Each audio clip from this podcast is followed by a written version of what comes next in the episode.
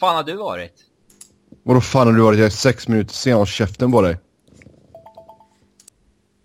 Hej allihopa och hjärtligt välkomna till Svenska fans NHL podcast. Mitt namn är Sebastian Norén och med mig som vanligt så har jag Niklas Wiberg och Robin Fredriksson. Ni får ursäkta min morgonröst idag men vi spelar in tidigt min tid så eh, jag hoppas att ni kan eh, bära med er även fast eh, jag är lite raspig.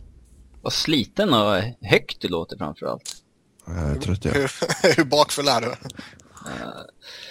Inte alls idag bakfull ska vi faktiskt. podda. Ja. Nej, bakis jag inte. Lite, tror jag har början på en Lite liten förkylning man däremot. också. I vilket fall som helst. Så eh, vi kastar direkt in på eh, kontrakt och rykten. Mm. Hockey ska vi prata ja. eh, Pittsburgh valde att förlänga Mark-André Fleurys kontrakt fyra år och en eh, cap hit på 5,75 miljoner. Och eh, Niklas, vad var din spontana reaktion till detta när du fick se det? Jag är väl eh, så, eller ja, om jag, hemska tanke, skulle varit eh, Pittsburgh-supporter så skulle jag väl varit rätt så tillfredsställd med det här kontraktet ändå. Ehm, sen om man, eh, alltså diskussionen Flurry eller inte Flurry är ju en helt annan diskussion men om man nu tittar på på just själva kontraktet när de tog beslutet att förlänga med honom så, ehm, så tycker jag det ändå det är ett rimligt kontrakt. Det är som vi pratade om förra veckan att få ett liknande kontrakt som han redan hade där någonstans eh, kring eh, 5 miljoner är förhållandevis eh, rimligt för en hygglig startmålvakt i ligan. Mm jag tycker framförallt de ska vara jävligt glada över att det bara blir fyra år. Så att de Ja, något eh, längre hade de nog inte velat ha. Nej, alltså slippa sex eller sju år på honom är ju faktiskt rätt eh, eh, skönt att slippa. Ja, och sen tittar man på marknaden för free agent målvakter nu den här sommaren så är ju inte den jättesexig direkt. Nej, det var ju skit ju. i fjol hade vi Hiller och Miller framförallt. Som eh, man kunde hugga. Men eh, I år är det väl enbart Antiniemi som är typ. bona fide starter. Ja men det. Ja, Stalak har i och för sig spelat bra. Ehm, ja.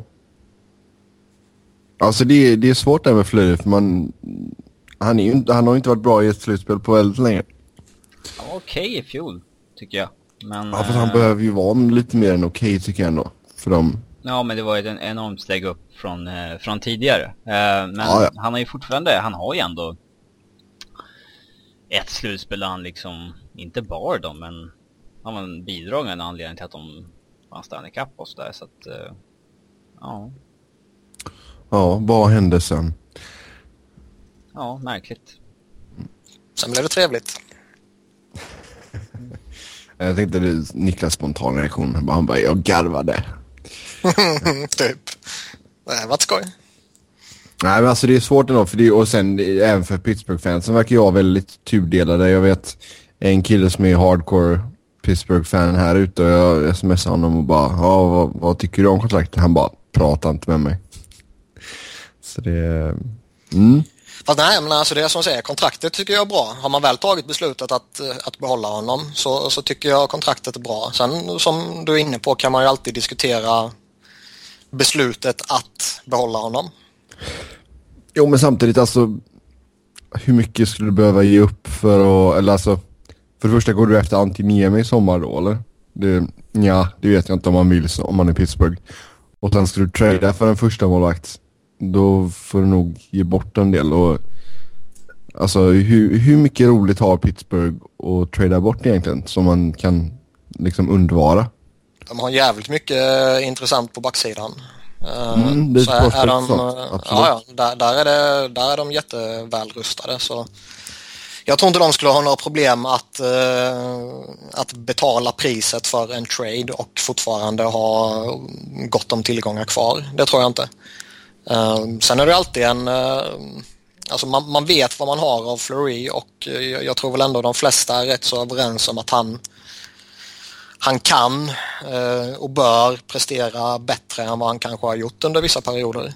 Ehm, tar du in en Antiniemi eller om du tradar för eh, någon annan så är det ju alltid en, eh, en viss chanstagning. Så man vet ju vad man får om man betalar ett marknadsmässigt rimligt pris för en första målvakt. Yes.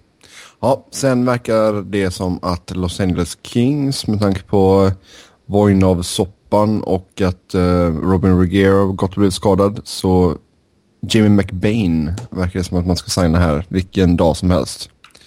Till ett uh, League minimum contract. Ja, det viktiga är ju egentligen inte att uh, de... Uh, alltså det viktiga är ju inte vem de signar utan det viktiga är ju egentligen att de signar en hyggligt kompetent back billigt. Ja, exakt. Det har du helt rätt i. Det är, hela Voinov-grejen har verkligen ställt till det för dem. Um, så det var ju jätteroligt häromdagen när de inte kunde kalla upp någon för att det saknades 160, 160. dollar. Ja. Usch. ja. Mm. Det är, då de där, det är då de där 33 dollarna kommer in du vet, när, när ja. vi har snackat kontrakt. Mm. Det är därför Fast... viktigt att du säger hela. När vi... Ja. Eller hur? Det är, det är därför jag skriver ut hela. Det är inte bara för att jävlas med, med dig. Det, det, det, är en liten del av det också givetvis. Men, men nu märker du ju varför. Så nu, nu har de nonchalerat alla de här kontrakten i alla programmen här så... Ja. Lyssnarna fattar inte varför. Varför kan de inte kalla upp någon? Sebbe har ju sagt att det är drygt 3,3 miljoner. Inte... Ja, exakt. Inte 3, 3 miljoner 333 000 bla bla bla bla. Nej, nu får du fan skärpa dig Sebbe. Jag vill ha fulla ja. kontrakt i fortsättningen. Ja, då uh, kör vi det i fortsättningen då. Sen, um, men alltså ja, alltså jag tycker Niklas du säger det där. Det man behöver är liksom någon som är duglig och som signar för minimum liksom. Det, det är inte så mycket mer att säga egentligen. Utan mer än att Vognov verkligen har satt sitt lag i skiten. Förutom Fast det, är det som ändå pågår att, utanför. Ja, det är ju jättejobbig situation att sitta i både för honom själv och han som hockeyspelare och eh, för laget givetvis. Men eh, jag, jag tycker ändå det är lite märkligt regelverk att en sån här grej eh, får sådana enorma följder för ett lag som eh, alltså det, det, är ju lite orimligt att, eh, att de straffas så här hårt av någonting som som inte har någonting med hockey att göra överhuvudtaget. Det har du i och för sig rätt i. Alltså det Men alltså vad, vad, ska man göra? Ska man bara stryka hans cap då eller medan han är avstängd? Jag, jag vet inte riktigt hur man ska lösa en sån grej. Ja, det tycker jag han borde göra. Men vad, tänk, okej, okay, men då gäller det bara om det är någonting som är som inte har någonting att göra med hockeyn. Så säg att någon skulle ha tagit någonting otillåtet preparat typ.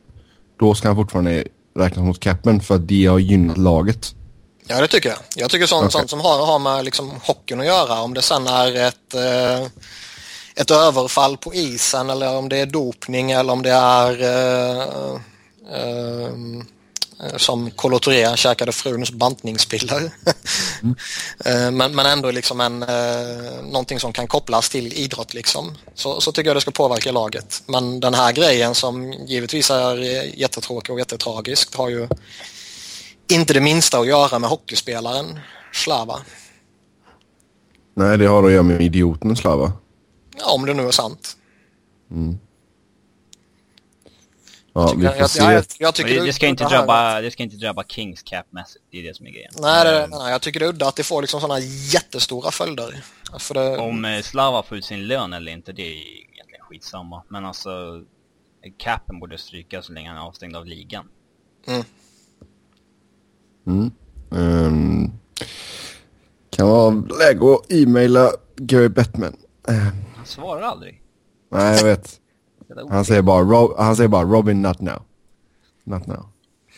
Um, sen uh, lite mer positiva nyheter. Sami Salo ska visst, eller, ja, ska visst vara eller nästan vara återställd efter en operation och vill fortsätta spela. Mm. Så bra att Salo är frisk igen eller nästan frisk. Um, men är, är, han lite för gammal nu? Finns det något lag som vill ha honom? Kräma ur en säsong till tror jag. Uh, det tror jag. Mm. Ja, alltså hittar man en vettig, en vettig roll för honom som inte är så jättekrävande så tror jag fortfarande ändå han kan fylla någon form av funktion. Sen eh, är det klart att han, han lär inte kunna förvänta sig ett eh, välbetalt kontrakt. Nej, nej. Utan han får nog signa billigt och kanske till och med få redo på att eh, inleda som sjunde back eller något sånt där. Eh, Men jag tror definitivt att i, en begränsad roll under rätt förutsättningar i rätt lag så, så tror jag mycket väl han kan vara eh, relativt framgångsrik. Och som vanligt Ja. när vi snackar högerfattade backar och veteraner så, Detroit. ja. Eller liksom- så kan han nog vända hem till Finland och spela KHL med Jokerit. eh, Mm. Eller? Han har ju spelat i Detroit. Eh, Detroit Vipers i IHL 98-99 säsongen. Detroit Vipers, hur ser deras lag ut? Det vill jag veta. Idag eller? Nej, den loggan som de hade då. Ja, den kommer inte du gilla om jag visar en bild på den. Men, ehm, ja. Det, jag, jag bryr mig inte så mycket om loggor och sådär. Jag vet att det, du har en stor fetisch för sådana saker, men Mm. Det har jag faktiskt. Jag brukade ju samla på kepsar när jag var liten, vet du. Med alla loggorna på. okej. Det är alltså i alla fall en, eh, orm i loggan. Ja, Vipers. Det är... Mm. Det var ju där. Gordie House spelade i- på 90-talet. Gjorde Oj. ett byte. Oj, Eh, oj, oj, oj, oj. Han gjorde ju ett byte där i uh, IHL med Detroit Vipers när han var, jag vet inte, han var väl en bit upp mot 80 eller någonting då. Ehm, nej, han var väl 70 någonstans. Men han, då hade han alltså spelat professionell hockey då på 40, 50, 60, 70, 80 och 90-tal. Ehm, Ja, I och med att hans sista NHL-säsong var 79, 70, eh, 79-80 säsongen med Hartford Whalers. Eh, och sen så spelade han inte på 17 år. Eh, tills han var, ja, 70 blir det nu. Och när han gjorde det där bytet med Detroit Vipers. Det är lite fusk tycker jag. Syftet är att man ska vara ett, ha varit tillräckligt bra för att ha spelat på den nivån så många decennier. Eh, Mm. inte att man gör ett byte på en plojgrej varje decennium, men ja. Ja, det kan jag faktiskt hålla med om. Eh, ja, den här loggan är extrem kan man väl säga. Va, jag fattar inte varför ormen är turkos. Jag vet inte. Ja, nej, ni får kolla upp det, kära lyssnare. Detroit Wi- Vipers logo. Ehm, vi hoppar vidare till eh, nästa punkt här på schemat. Och Florida sägs vilja skicka ut en eh, veteranforward. Och vilka kan ligga pyrt till? Det känns som att de eh, kan nog tänka sig att släppa vem fan som helst av sina veteraner egentligen. Om man bara tittar på kvalitet och så vidare. Möjligtvis att de vill ha kvar en Jussi Jokinen eller något sånt där. Men eh, om man tittar på vilka som faktiskt skulle kunna generera någon form av intresse av andra lag så tror jag det är rätt begränsat faktiskt. Ingen av killarna med term skulle jag nog ta i med tång, alltså Brad Boyce eller Sean Thornton eller Derek McKenzie. Ehm, Nej, och tittar man på de som är penning UFA så är det liksom Fleischmann, det är eh, Upsal och sen Kopeschki eller Bergenheim och liksom ingen av dem eh, fyller någon större funktion kan jag tycka. Möjligtvis Kopeschki, men han är liksom ingen som Visst vill ha lite djup och lite sånt där kan man plocka han men då betalar du rätt mycket för en 3 miljoner liksom. mm. Men det är ju ingen som du plockar in och som jag skulle känna på något sätt lyfter ditt lag, gå in och spela topp 6 för att du, du har ett hål där och, och gör det riktigt bra. Liksom det, de har några sådana backar som man skulle kunna släppa om man vill men inte så värst många forwards. Mm. Ja, om ni måste plocka en då. Vem får gå? Om jag är köpare eller säljare?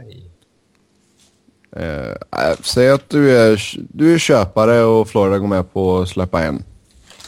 Då Du får skulle jag välja. nog rikta in mig på... Uh, vad fan gör ni? Sebbes fel. Okej. Eh, jag skulle nog ta eh, Bergenheim eller Kopecky.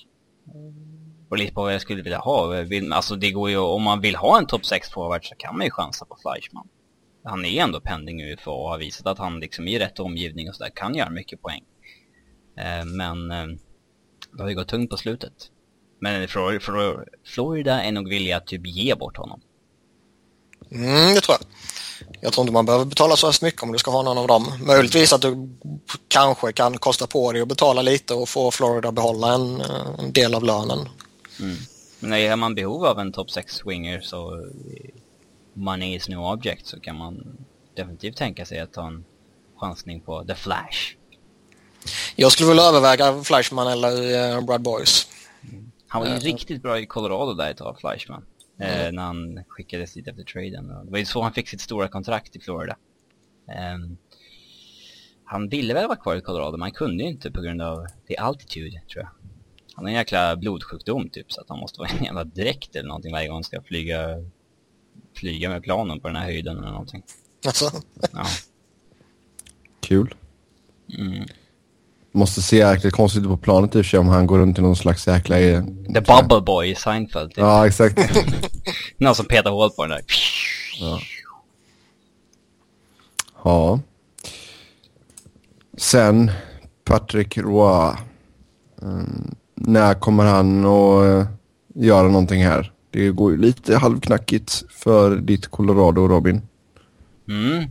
Jag är rädd att han kommer hitta på något hitta på något skumt, eh, trada bort någon av den eh, väldigt bra yngre kärnan.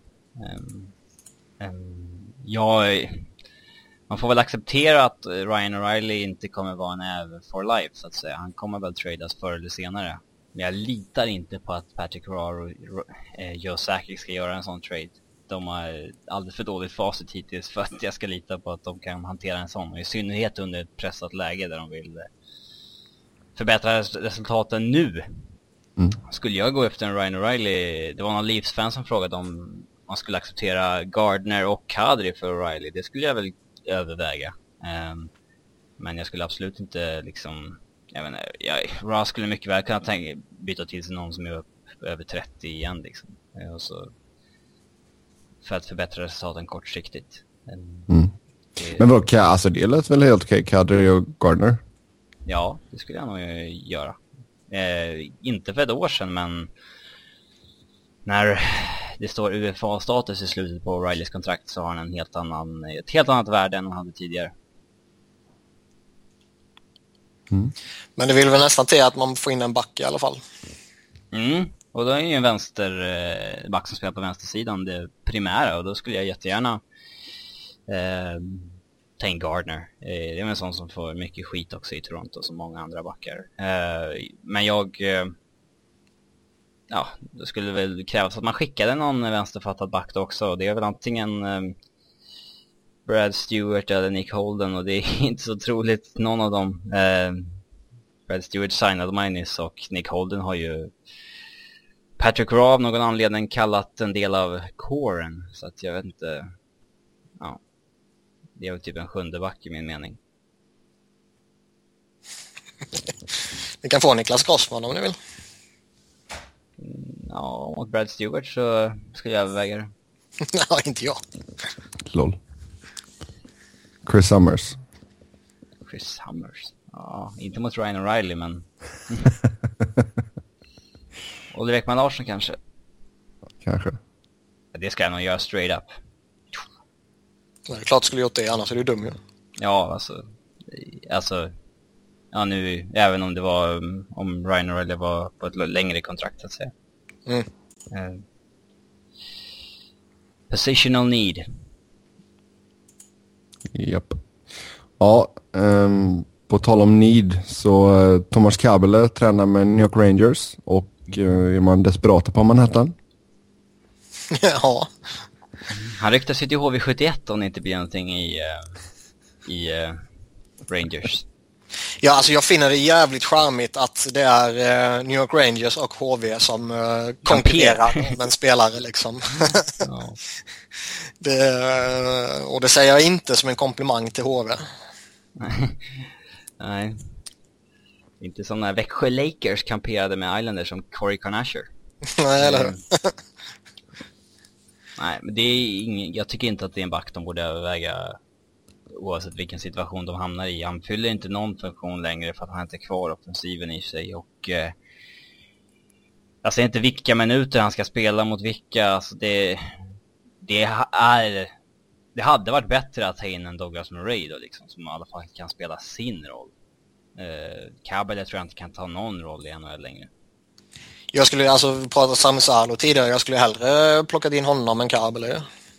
Ja, det finns många, alltså, det, alltså AHL-backar som man kan lyfta upp som kan spela 10-15 minuter per match, hellre än att spela Kabel. Ja, utan tvekan. Mm. Ja, försvaret ser väl inte så jätteroligt ut just nu. Om man överväger Kable.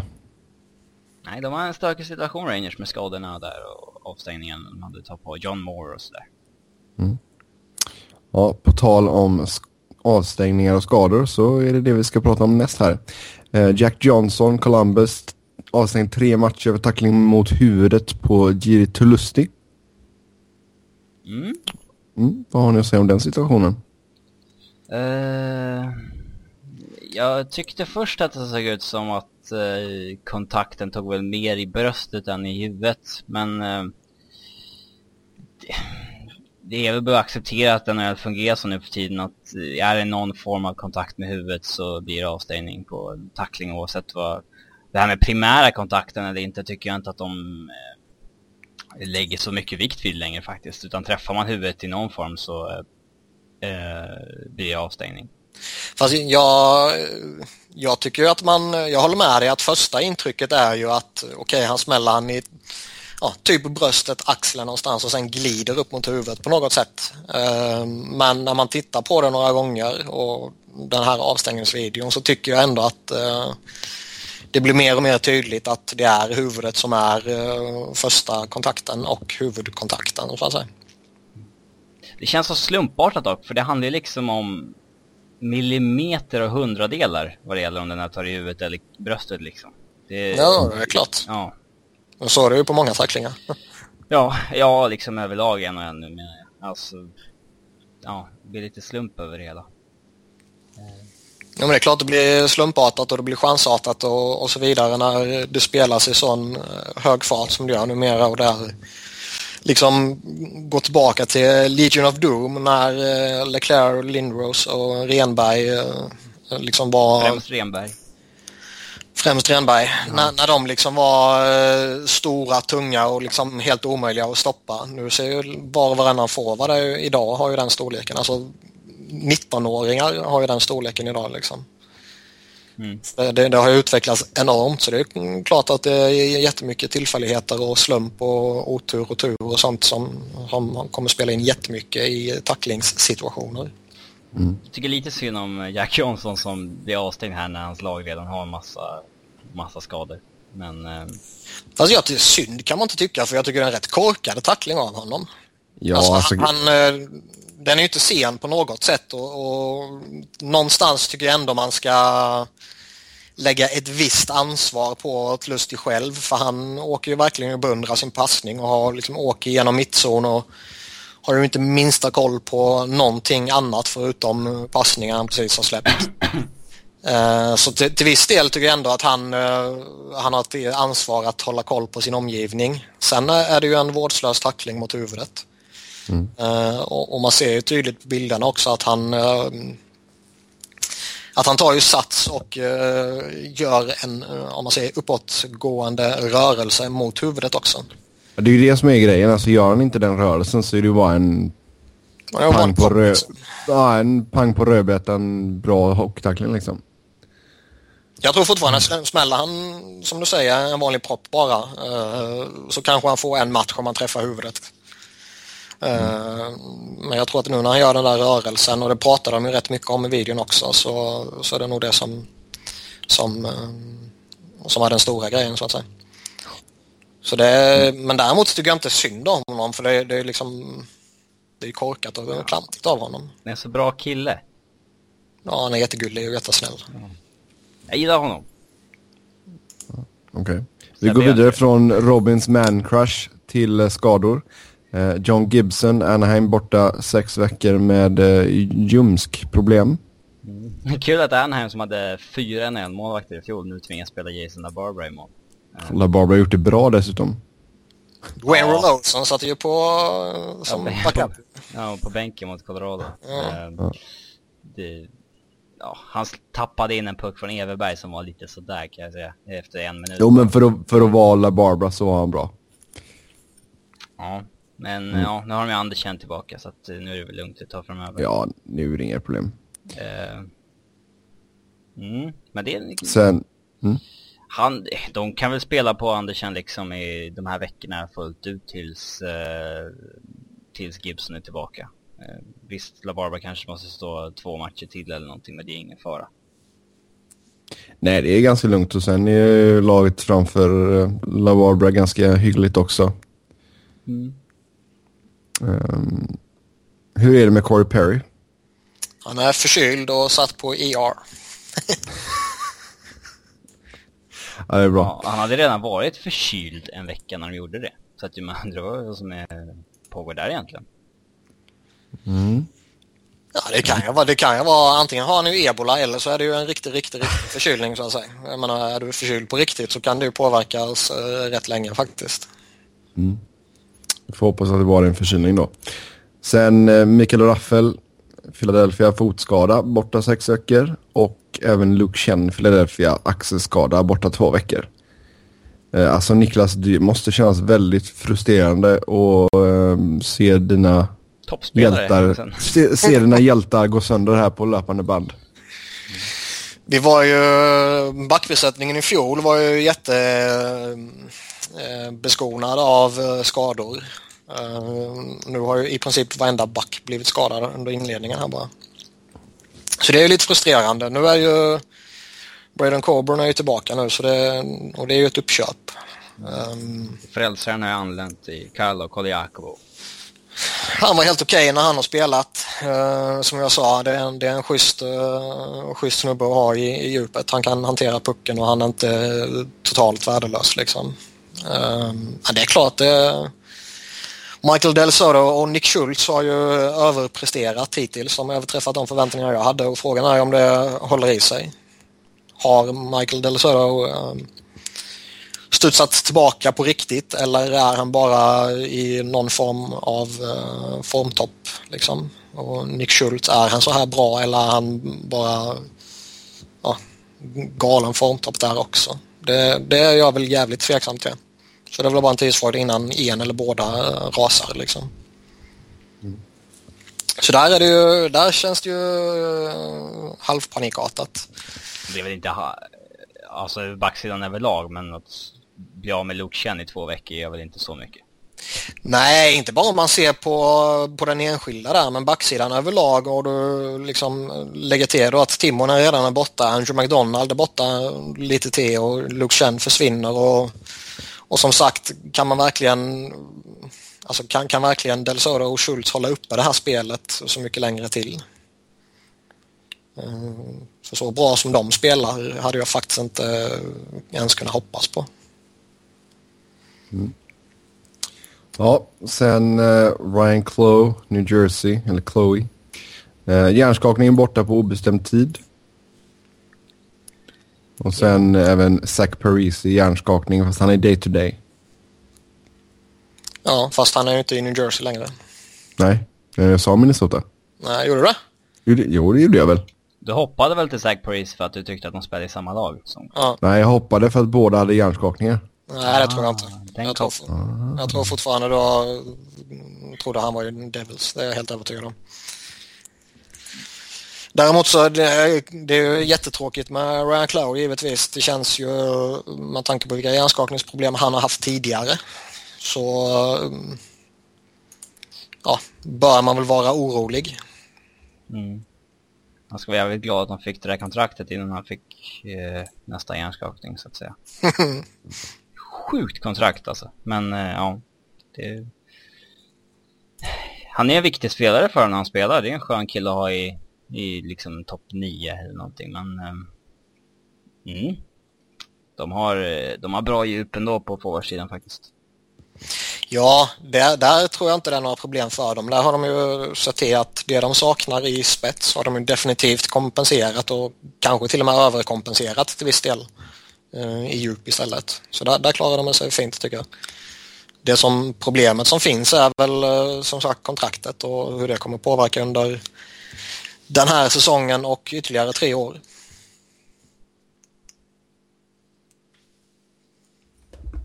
Zach Parise då? Ja, han är borta day to day. Det är inte så mycket att säga kanske. Men Nej, det beror på lite. Det är alltid svårt med hjärnskakningar. Ibland får du en hjärnskakning så är du day to day och så är du helt återställd efter uh, två, tre dygn och så märker man aldrig av den mer. Eller så um, är det någonting som kommer sitta kvar jättelänge och ge jätteproblem. Och det är svårt att säga. Mm. Och sen sist men inte minst Brad Stewart, Colorado. Knäsena borta på bestämd tid. Ja, två veckor har de sagt. Men det... Eh, han är väl ingen större förlust så om det, det innebär att Zach Redmond spelar, men... Eh, ja, det innebär ju att Nate Gennon måste spela vänsterback också. Det, att ha en kille som kanske ska spela ett andra backpar i AHL på högersidan, att han spelar bara ett vänsterbackpar i NHL, det blir, blir jävligt stökigt alltså. Han, eh, han drar ju ner den, han, han eh, om man spelar med Eric Johnson, Barry eller Redman, han drar ju ner den han spelar med liksom oavsett vad. The General Ginnan, som han kallas. Ja, jag gillar den backbesättningen. Den är skön. Mm, ja, högersidan är skön i alla fall med Eric Johnson, Barry och Redman, men... Uh, ja, vänstersidan ser sådär ut. Mm. Ja, Heida är i och för sig, Heida är okej. Han, han kan bära sin del, men det skulle behövas två andra backar än Stewart och Holden. Där. Hela grejen är att man behöver peta ner Heida i alla fall ett, i bästa fall två snäpp. Mm, så är det ju. Eh, men eh, han är väl den som klarar av, eh, och de vänsterbackarna de har, Heida, Stewart och Holden, så är väl Heida den som tragiskt nog klarar av svårast minuter. Och det är väl... Jo, det är ju rätt att spela honom det. De har ju inget att välja på liksom. Mm, tanken när Brad Stewart kom hit sa ju då direkt att, var att han skulle spela ett första backpar med Erik Jansson. Men det tog väl fem matcher innan de insåg att han är ingen första backpar back längre. Så att, eh, mm, nu spelar han ju, ja, han har väl spelat, oh, jag vet inte, jag tror att han har spelat med Barry rätt mycket och Gennen en del i penalty killing och sådär, men ja, i penalty killing är han väl i alla fall okej. Okay. Men det var ju tur att man avvaktade och inte gav honom ett nytt kontrakt direkt då. Mm. ja. Ja, nej, vi får se vad, vad Sa ja. Sakic hittar på. Sakic? eh, han... Eh, han, eh, vad ska jag säga, han... Eh, fan vad ska jag säga? Han, jag tror inte ens han ville förlänga i Colorado, men de vill gärna ett nytt kontrakt direkt med så 3,6 miljoner per år så... Det är för bra för att tacka nej Ja, exakt. Annars tror jag att han fått signa för typ 1,5 någonstans nästa sommar, ettårskontrakt. Eh, den statusen har han ju typ idag, han har ju tappat som fan. Men mm. Brad, Patrick Ross sa att han hade pratat med Vlasic som sa att han hade varit, så att, som, som sa att Stewart var bra. Så att han... As pro scouting har kanske lite del att jobba på. Patrick Ross coachade Vlasic ett år i juniorerna, så att han känner honom. Såld. Ja, ja, vi får se vad som händer. Vi hoppar vidare till vår nästa topic här och eh, genombrott eller tidig formtopp. Vi har ett par killar här vi ska diskutera och eh, först ut är Tyler Johnson i Tampa Bay. Mm. Genombrott eller tidig formtopp? Låter som en eh. gameshow nästan. Mm, ja. Jag säger tidig formtopp. Jag, jag är övertygad om att Tyler Johnson är en, kommer vara en bra 40 till 55 poängs spelare över tid. Men eh, det är ju en formtopp utan dess lika att han snittar över en poäng per match. Jag, jag kan inte tänka mig att han blir en liksom... Alltså han är ju on pace för 71 assist. Gör han mm. över 70 assist i år så, eh, ja, kan jag lova att göra något dumt. Eh. Så springer Robin naken runt Globen. Globen? Mm. Det är så jävla lång. Man måste ju... det är... Det, kan man bara springa runt själva arenan hade det varit okej, okay, men den måste ju liksom ner typ på bilvägen ha sig och ta sig runt och, ja. Okej, okay, men då får jag inne i Globen för att göra Runt rinken så att säga på något eh, etage där. Ja, visst. ja, ni hörde det här först. Nej, jag håller med dig där. Det är tidig formtopp. Ja, han kommer inte göra... Jättebra spelare dock. Eh, Mm, ja, jättebra spelare. Men 71 assist gör han inte. Jag tycker hela, hela den kedjan har spelat ganska bra. Ja. Jag, jag, jag tror nästan det kan vara ett genombrott. Eh, Men med det sagt så tror väl inte jag heller att han kommer eh, göra 71 assist och, eh, och, och ligga upp mot eh, 100 poäng. Det tror jag inte heller. Men alltså han, han, han höll ändå en bra nivå i fjol. Snubben är ändå 24 bast nu liksom. Eh, Han har ju lyft sitt spel jämfört med i fjol tycker jag.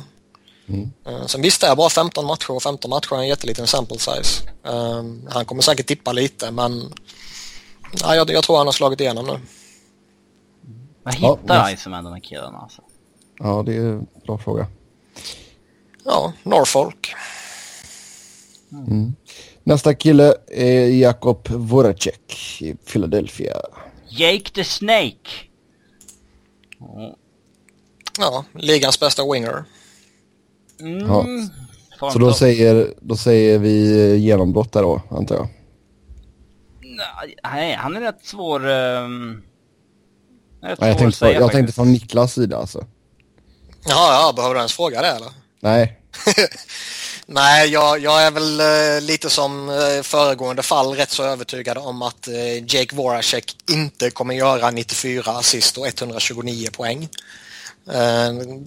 Jag tror han kommer dippa av. Men e- en av grejerna som... Svårt Alltså, att han- inte se han blir point per game i år i alla fall. nej, men det tror jag. Jag tror Gör- han kommer ligga där runt omkring. Det tror jag Gör han definitivt. det så är det ju genombrott. Det enda som, kan, som jag tror kan hindra från att eh, Voracek ligger på point per game det är väl en... Vann Eller- väl det i första kedjan kanske? Ja, nej, det är en långtidsskada på Claude Giroux. Okej. Det är väl det enda egentligen. Ehm, så det, det, det är jag väl inte särskilt uh, oroad över så sett egentligen. Ehm, men en av grejerna som man oroade sig lite över, för det var att han visade en sån jävla nivå under lockoutsäsongen.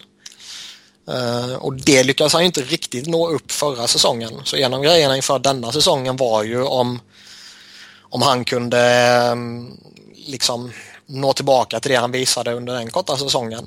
Och eh, hittills har han ju definitivt överträffat den säsongen. Hade jag varit en fancy stats-snubbe hade jag påpekat att hans shooting percentage under lockout-säsongen var väldigt hög.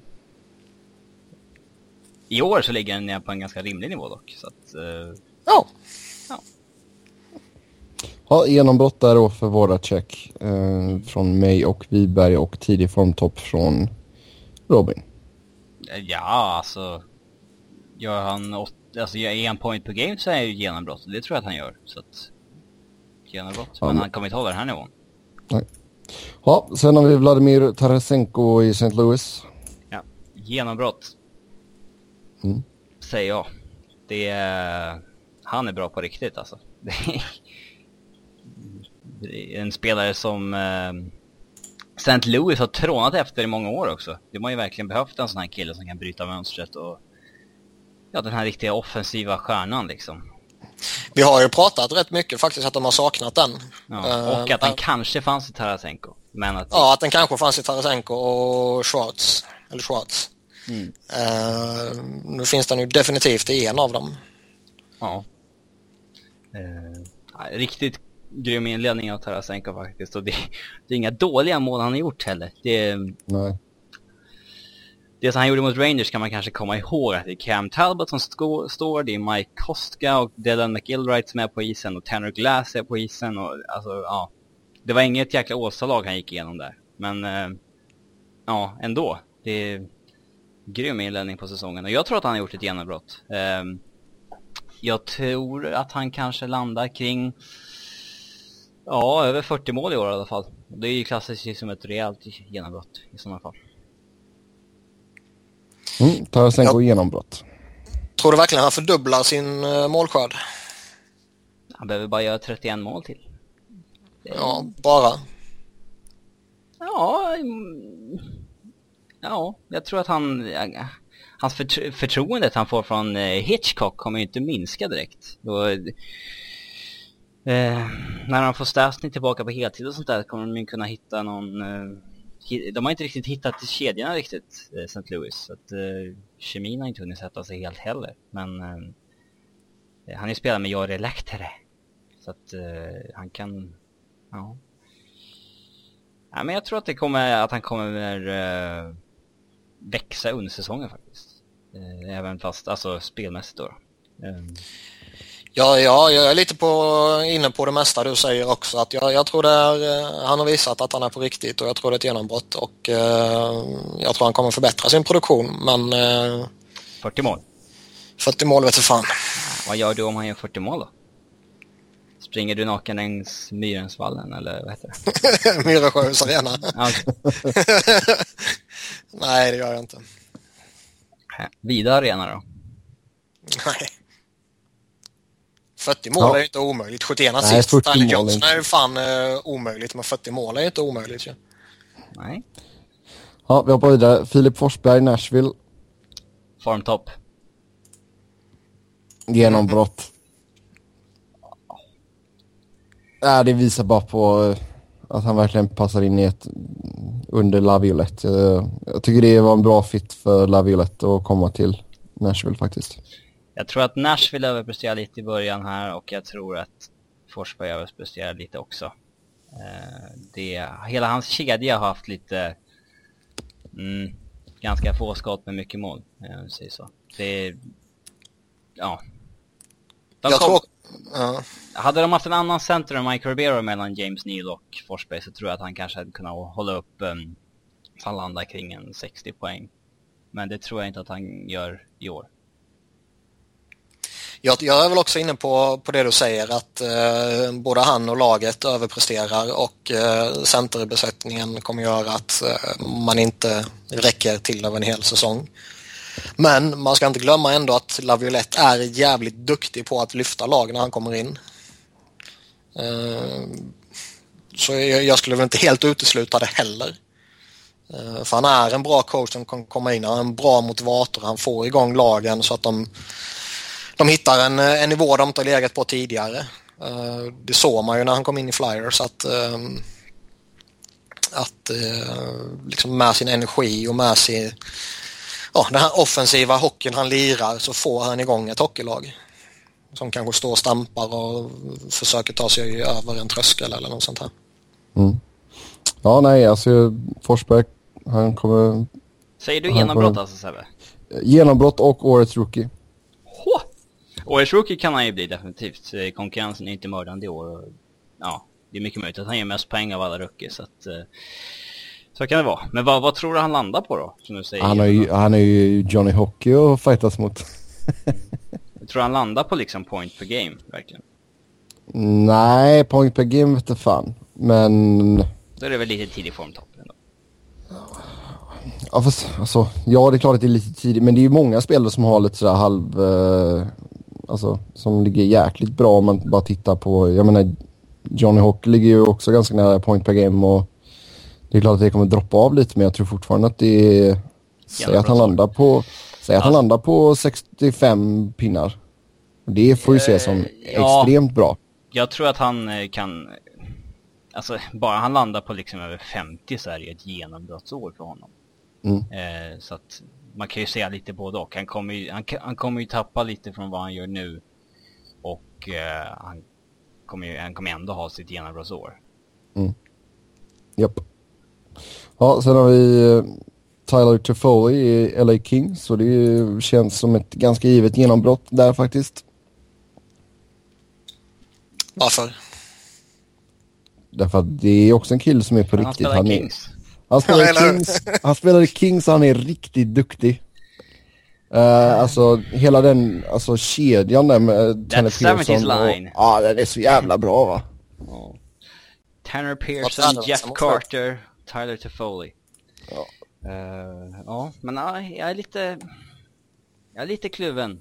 Eh, jag tror att han kommer att bli en jättebra spelare Toffoli, men han är lite produkt av kedjan här i början och har haft lite flyt med sina eh, mål och sådär. Så att, eh, ja. Eh, men ja, det är klart att han kommer Nej, jag säger tidig formtopp. Jag eh, håller med Robin mest för att jag vill hålla, inte vill hålla med Sebbe. Nej, men jag, jag tror att eh, jag tror han kommer bli skitbra eh, och jag tror att han kommer bli skitbra relativt fort. Eh, frågan är väl bara om det kommer gå så här fort. För jag tycker han, det han visade i fjol var ju mest lite eh, ja, vad ska man säga, lite glimtar här och där typ. Fram till slutspelet där han höll en riktigt bra nivå. Mm. Nu har han ju inlett skitbra denna säsongen. Det har väl varit mot slutet som hela kedjan har haft lite problem och hela laget har haft lite problem. Um, han gick väl en fyra poänglösa matcher eller något sånt här. Tack så jättemycket Slava Vojnov. Men uh, jag lutar nog ändå lite mot att det är en sån här tidig uh, monsterform bara. Corey Conasher från några år sedan. Ja. Han kommer ju inte gå på waiver som något. Ja, och jag hoppas han får samma förfall. Ja, det vore kul. Men... Uh, men att de signar han... upp honom på ett jävla dyrt kontrakt först. Ja, till slänga på höger med deras andra dåliga kontrakt. Men mm. um, han har ju ett av NHLs bästa handledsskott. Det, det kommer liksom ta honom långt. Mm. Ja, han och uh, Oliver Ekman Larsson enligt uh, Jeff Merrick. Mm. Mm. Ja. Tidig formtopp eller genombrott? Försvann där ett tag. Mm. Sa du Doggy ja, Hamilton? Ja, det är jag. Jag sa Doggy Hamilton, tidig formtopp eller genombrott. Jag lutar lite mot ett eh, genombrott. Rent tidsmässigt så borde det komma nu. Alltså, mm. det är hans, eh, vad blir det, tredje säsong eller någonting. Um, det borde komma i år. Mm. Jag, jag, jag, tror han har eh, liksom att han visar upp eh, nästa steg nu. Det, det tror jag. Um, han har väl fått en liten, uh, ja, kalla det en liten gratischans uh, med tanke på skadesituationer som finns i, i deras lag. Um, mm. Jag tänkte säga det, jag tänkte fråga dig Niklas, alltså just med tanke på skadan på till exempel Shallow då. Alltså det har man nästan tvingat fram Hamilton att ta nästa steg. Ja, eller, i alla, eller i alla fall pusha honom att nu ska jag steppa upp och liksom... Han måste ju steppa upp liksom. Ja. Han måste ju steppa upp men det är inte bara Kära utan uh, Tory Krug var ju borta en, vad var han, fyra, fem, sex matcher tror jag va? Mm. Mm. Fingret klyvs på killen. Ja. Såg ju äckligt ut på bilden. Men, äh, äh, Mm. Han har ju liksom fått gå in både liksom en stor roll i powerplay och liksom i, egen zon Hamilton och loggat väldigt tunga minuter. Och han har gjort det bra så att eh, jag tror att han kan få fortsätta i stor roll när, eh, när eh, the big boys är tillbaka också. Um... De behöver ju spara Kära också. Mm. Nu när han är äldre och han är uh, så pass stor som han är och dessutom lägger på lite skadeproblem på det så bör man ju skydda honom lite under grundserien för att ha honom eh, fullt fräsch inför ett slutspel. Mm. Ja. Och då är det ju mm, ja. ypperligt läge att låta en Dougie Hamilton och en Tory Krug eh, lira på utav helvete. Mm, just nu så snittar ju Hamilton 22-47 per match och det är ju mest i, i hela laget. Ja, han hade ju en period här när Chara och Kruger borta där han spelade 26,5 minuter och 28,5 minuter och upp mot 24 minuter och sådär liksom. Så. Han jag är på bra med minuter. Mm. Nu ska vi gå över till den andra sidan av eh, spektrumet och eh, fråga oss slut eller bara segstartade. Vi har ett gäng veteraner här. Eh, och vi börjar, vi börjar med Olli Jokinen i Nashville. Uh, Slut. Ja. ja, ni vet ju min åsikt här i alla fall. Man måste ju säga att det är ju en sak eh, som håller högsta världsklass med honom. Och det är? Frisyren.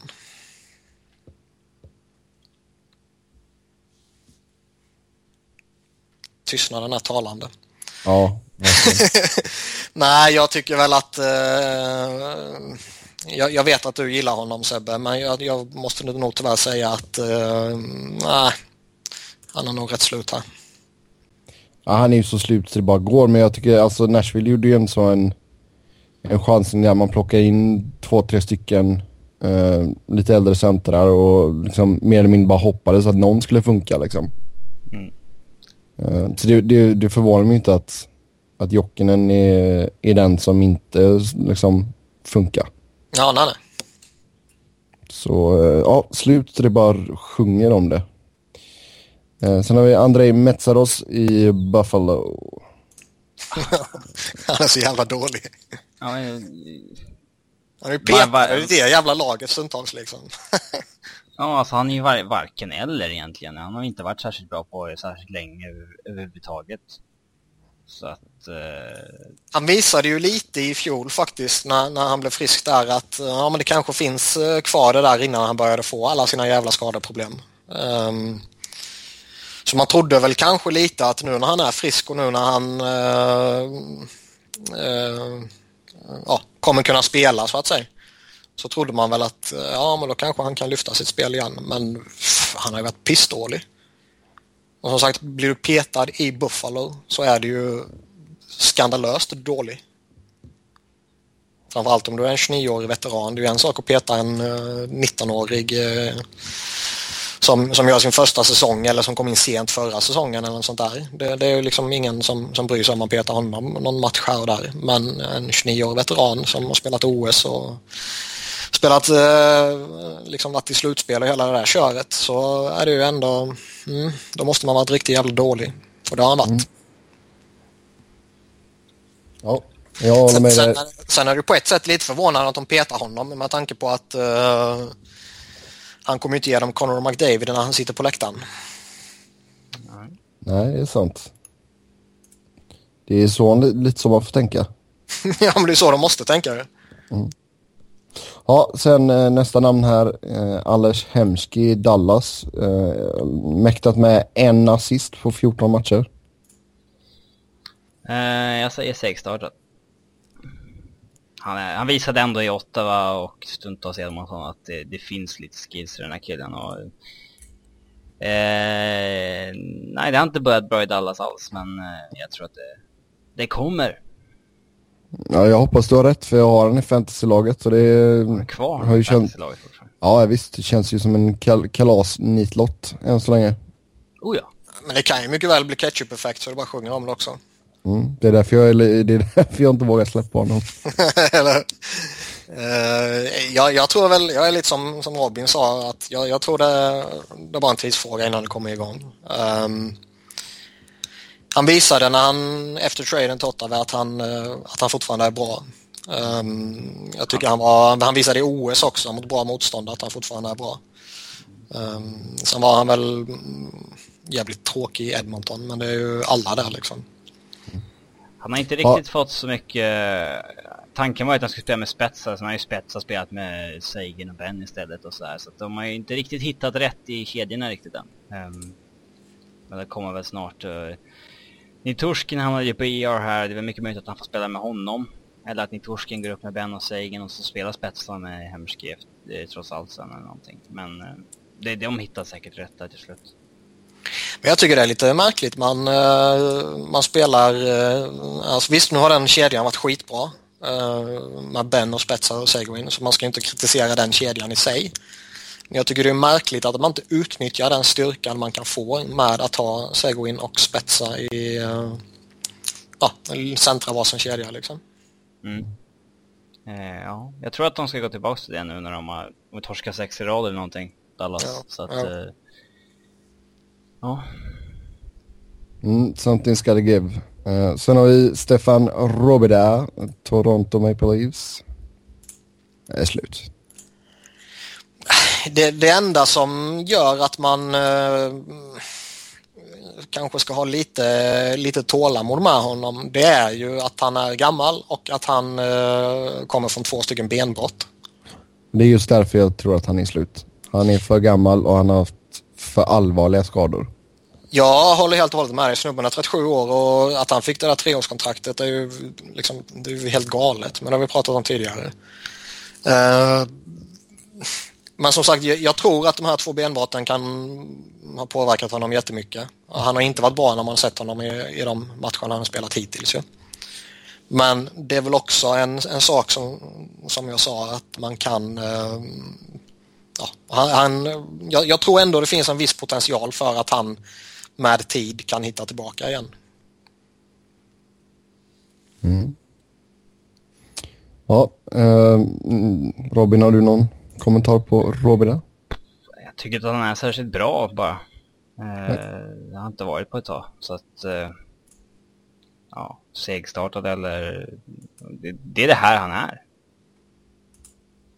Helt enkelt. Då är han slut med andra ord. Eh, vi hoppar vidare till RJ Umberger, Philadelphia. Niklas, du har ju sett mycket av den här herren nu. Mm. Ja, det ja. luktar ketchup-effekt va? Det är sånt total skräp så det finns inte. ja. Han har varit pissdålig. Han är så... Ah, jag blir förbannad på honom varenda match liksom. Han hade ju någon... Uh... Jag tycker överlag du blir ganska förbannad under matcher. Man ser din Twitter-feed, alltså du och, uh, vad är det han heter? Pontus Wernbloom. Uh, nej, Bern. Lackar tillsammans. Ja, vad är det? Johan är det han heter. Ni brukar lacka ihop. Mm. Johan? Gartner. Aha. Um, ja, jo, det är mycket att bli förbannad på i det där jävla laget. Men eh, uh, RG Amber är definitivt en av de största galningarna. Han har haft en bra match och var mot Pittsburgh av alla jävla lag när han går in och gör ett plus ett liksom. I övrigt har han varit skitdålig och han kan inte åka skridskor och han tar sådana dumma jävla beslut och han håller tillbaka sina lagkamrater och ja, etc, etc, etc. Var inte det som var tanken med honom att han skulle, eller ja, den officiella tanken var att bli av med Hartness kontrakt såklart. Men man sa väl att han skulle bidra med lite skridskoåkning?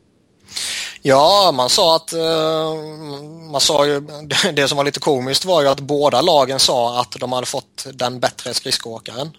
Mm -hmm. och båda lagen har fått en begränsad skridskoåkare om man säger så. Så om man, just den grejen tror jag skitsamma. Om man jämför traden så ser jag väl fortfarande långsiktiga fördelar med att bli av med Hartnells kontrakt.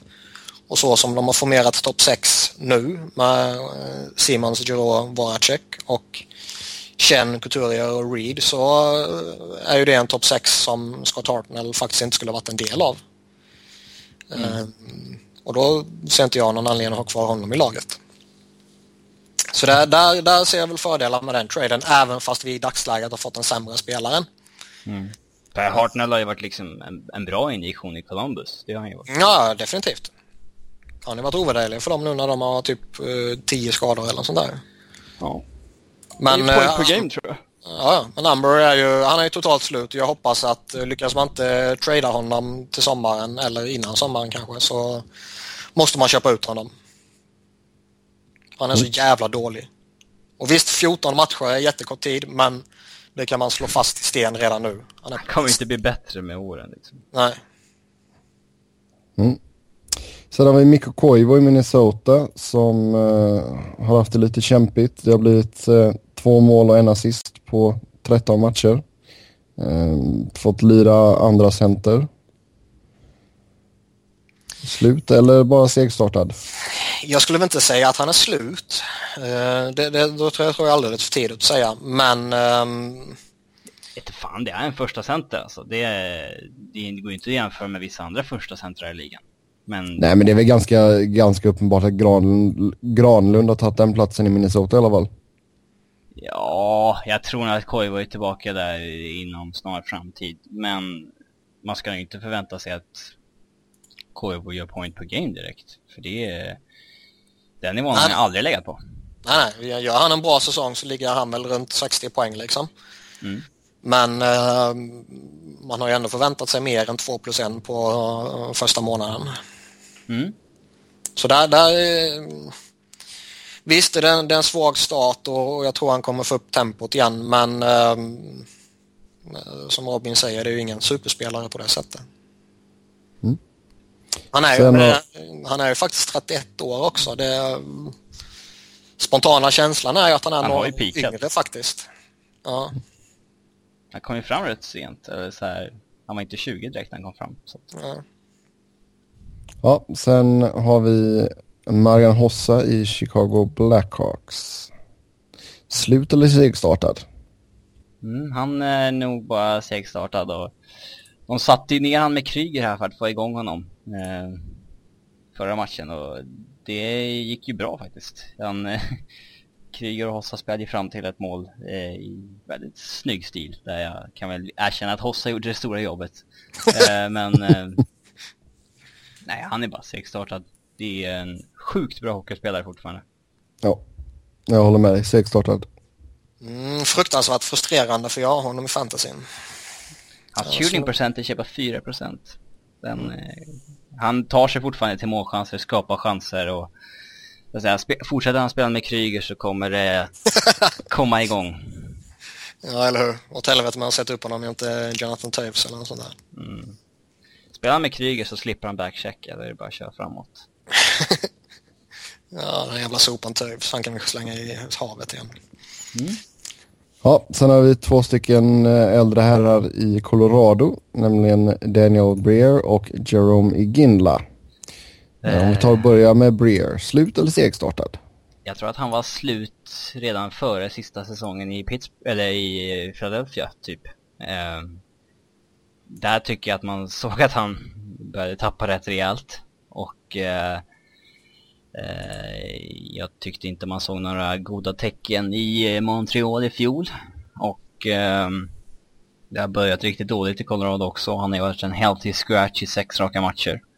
Eh, det är ju en spelare som eh, i intervjuer som sagt, sagt att han bara längtar till eh, första resan, bortamatchen till Philadelphia när han får träffa sina söner igen. Och så här liksom eh, hans fokus verkar inte ligga på hockey så mycket längre. Han vill bara liksom sluta och vara klar. Ja.